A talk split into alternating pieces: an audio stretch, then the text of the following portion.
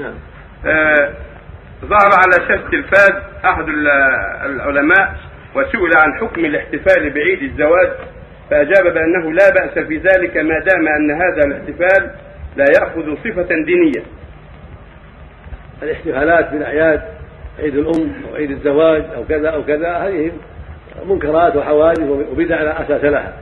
اما أما الاحتفال بالزواج نفسه من يقيم وليمة الزواج بنى بزوجته أو عقد لها فلا بأس. أما شيء يعتاد في ليلة من الزمان ما دار الحول على الزواج يقيم عيد كل سنة هذا منكر. من بدع من البدع التي آه، أحدثها الناس لا وجه لها ولا أساس لها.